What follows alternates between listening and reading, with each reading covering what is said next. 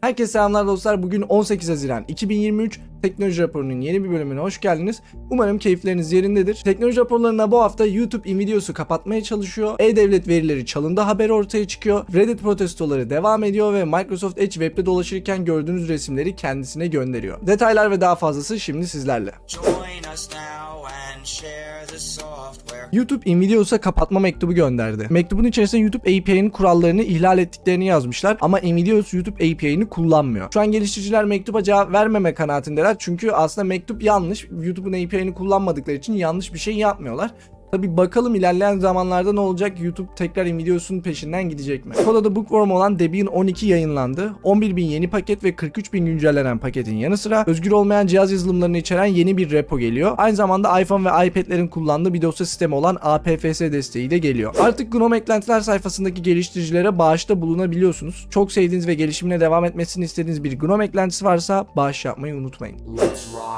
Google Bard artık kod yazıp sonucunu size gösterebiliyor. Bunun için muhtemelen arka planda Google Colab'daki gibi bir sistem kullanıyordur. Tabii bu çalıştıracağı komutların belli bir sınırı olacaktır. Her yazdığımız şeyi çalıştırmayacaktır, reddedecektir. Şimdilik habere göre matematiksel işlemler, string manipülasyonu gibi şeyler yapmak için kullanılabiliyor. Meta, yazdığınız metinden şarkı veya melodi üreten açık kaynak bir yapay zeka yayınladı. Adı Müzikken. Henüz test etme şansım olmadı ama ana sayfalarına girdiğinizde güzel örnekleri sergilemişler. Tabii bunları ben YouTube kanalımda kullanmak istiyorum aslında. YouTube videolarının arka plan müzikleri olarak kullanmayı çok isterim. Ama birazcık da korkmuyor değilim. Bu tarz platformlarda problem olur mu diye düşünüyorum bazen. Stable Diffusion kullanarak anime veya farklı temalarda QR kodları yaratabiliyorsunuz. Bilmiyorum böyle bir şey kullanmak isteyen olur mu ama ilginç olduğu için paylaşmak istedim. Meta araştırmacılar için yeni bir resim tamamlama modeli yayınladı. İddialarına göre bu model tıpkı insan mantığıyla resmin kalanını tamamlayabiliyor ve şu an için piyasadaki en iyisi olduğunu da iddia ediyorlar. Microsoft Azure kullanan devlet dairelerine GPT-4 modelini sunmaya başladı. Biliyorsunuz devlet dairelerinde ve özel şirketlerde hassas veriler olur ve bunu bir yerlere girmemeniz gerekir.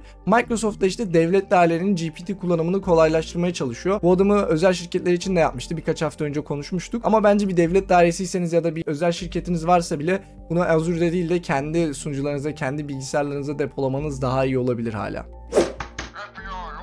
Geçtiğimiz hafta yine çok konuşulan konulardan birisi E-Devlet'in hacklenmesi oldu. Ben açıkçası hacklendiğine dair bir veriyi bulamadım. Daha doğrusu internette gezdiğimde aratmalar yaptığımda herhangi bir şekilde bunun olduğuna dair bir veriyi bulamadım. Şu an haberlerde bahsedilen web sitesi herhangi bir işlev görmüyor. Ama bu mecliste falan da konuşuldu. Arattığım haberler doğrultusunda CHP sözcülerinden bazılarının konuştuğunu da duydum. Şu an bu olayın gerçek olup olmadığını tam olarak çözemedim. Umarım gerçek değildir. Windows'a gelen Haziran ayı güncellemesiyle birlikte 17 yetki yükseltme açığı, 3 güvenlik bypass etme açığı ve 32 uzaktan kod çalıştırma açığı kapanıyor. Daha fazlası da var. Dolayısıyla aylık güvenlik güncellemenizi yapmanızı tavsiye ederiz. Damn, son, where'd you find this? Bu haftanın en çok konuşulan olaylarından birisi Reddit'in API ücretlerini değiştirmesiyle birlikte subredditlerin gizliye alınması oldu. Bir noktada 7000'den fazla subreddit gizliye alındı ama şu an 4400 civarlarında dolaşıyor. Burada benim tarafımı soracak olursanız bence her iki tarafında haklılık payı var ilk başta baktığımızda. Birçok uygulama Apollo gibi ya da diğer Reddit uygulamaları Reddit'in API'ni kullanıyor ve bir sürü kullanıcısı olduğu için bu tarz uygulamaların çünkü Reddit'in ana uygulaması çöp olduğu için kimse Reddit'in ana uygulamasını kullanmıyor. E ne oluyor abi? Bu sefer Reddit'in API'ine çok yük binmiş oluyor. Reddit de artık diyor ki ben bunu istemiyorum. Eğer ki benim API'mi bu kadar çok kullanacaksan ona göre ödeyeceksin. E ona göre ödemede olmuyor çünkü bu uygulamalar hali hazırda yıllık anlaşma yapmış kullanıcılarıyla. E kalkıp bir anda ücretini değiştiremiyor. Hatta Apollo gibi bazı uygulamalar da hayat boyu üyelik falan satmışlar yani öyle düşünün. Bu sorunun kökeni bence aslında ilk baştan geliyor. Yani birincisi Reddit'in uygulaması bu kadar çöp olmamalıydı. İkincisi uygulama geliştiricisinin de hatası var. Yani hayat boyu üyelik satmaması lazımdı mesela. Niye? E nereden biliyorsun yani sen API'nin fiyatları gördüğün gibi artabilir. Böyle bir şey olabileceğini tahmin etmeliydi geçmişte falan filan. Ama bir yandan da Reddit'in uygulaması çöp olduğu için Reddit'in erişilebilirlik özellikleri çok kısıtlı. Görme engelli olan insanlar rahat rahat erişemiyor Reddit'e. Bunun için işte ek üçüncü parti uygulamalar kullanmak zorunda kalıyorlar. Kimse Reddit'in ana uygulamasını ve masaüstü web arayüzünü bile sevmiyor. E, dolayısıyla üçüncü parti uygulamaları kullanıyorlar. İki tarafın haklılık payını da bu şekilde bakabiliriz. Ama genel olarak Reddit'in CEO'sunun ve yönetiminin tutumunu gördüğümüzde diğer tarafa hiç bakmıyorlar. Diğer taraf hiç umurlarında değil. Yani bir tarafta görme engelliler varmış umurlarında değil. Bir tarafta işte senin uygulamanı sevmeyen, senin uygulamanın gelişmesini isteyen kesim varmış. Bu, bu da umurunda değil. Çok sert bir tavır takınıyorlar.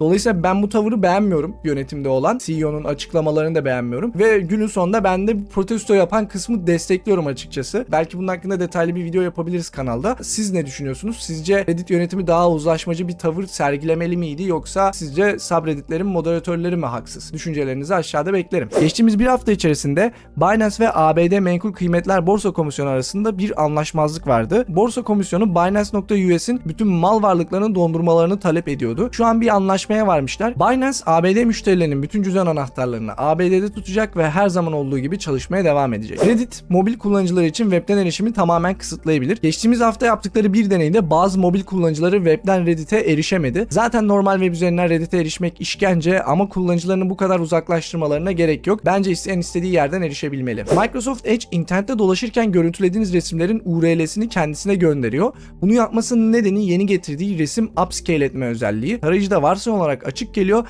ve internetteki düşük çözünürlüklü resimleri daha güzel görmenizi sağlıyor. Bunu yaparken de görüntülediğiniz resmin URL'sini kendisine gönderiyor. Bunun ana sorunu Edge'i indirip kullanan kişilerde bu hali hazırda açık bir şekilde geliyor ve kullanıcının herhangi bir şekilde işte görüntülediği resimlerin Microsoft'a gönderildiğinden haberi yok. Bu kötü bir şey. Yani bunu işte daha yeni çektiğimiz en iyi tarayıcıyı bulduk videosunda da konuşuyorum. Yani bu şekilde varsayım olarak kullanıcının mahremiyetini ihlal eden şeylerin açık gelmemesi lazım. Kullanıcının açık açık bilgilendirilmesi lazım ve bence bu büyük bir mahremiyet sorunu. WhatsApp'a yeni gelen özellikle 60 saniyelik video mesaj gönderebileceksiniz.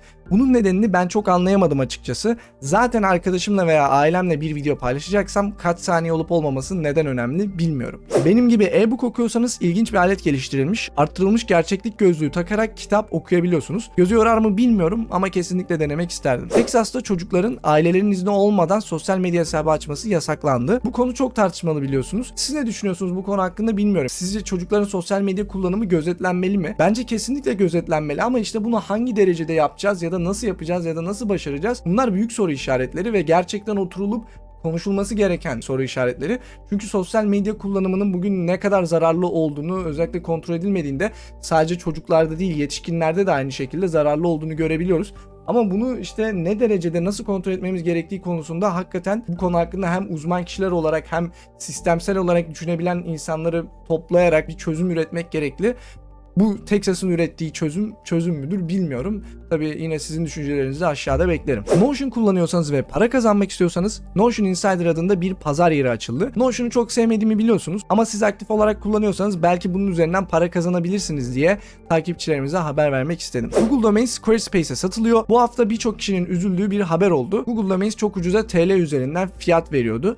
Takipçilerimizin hangi alanda servislerini kullandığını da merak ediyorum. Instagram, Telegram benzeri kanallar özelliğini herkese açtı. Henüz benim bakma şansım olmadı ama biz de bu özelliği duyurular için kullanabiliriz. Gerçi Telegram'da da olduğu gibi botla entegre etme olayları var mı bilmiyorum. Evet dostlar bu haftaki teknoloji raporunda sonuna geldik.